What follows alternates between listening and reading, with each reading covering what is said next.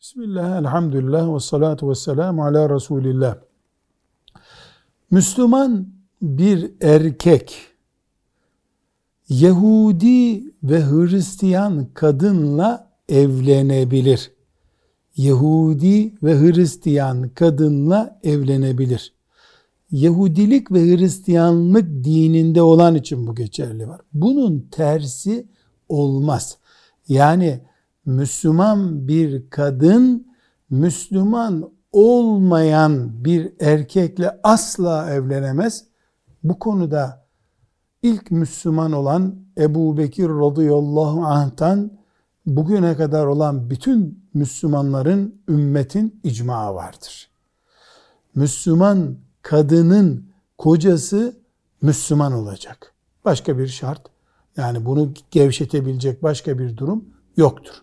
Velhamdülillahi Rabbil Alemin.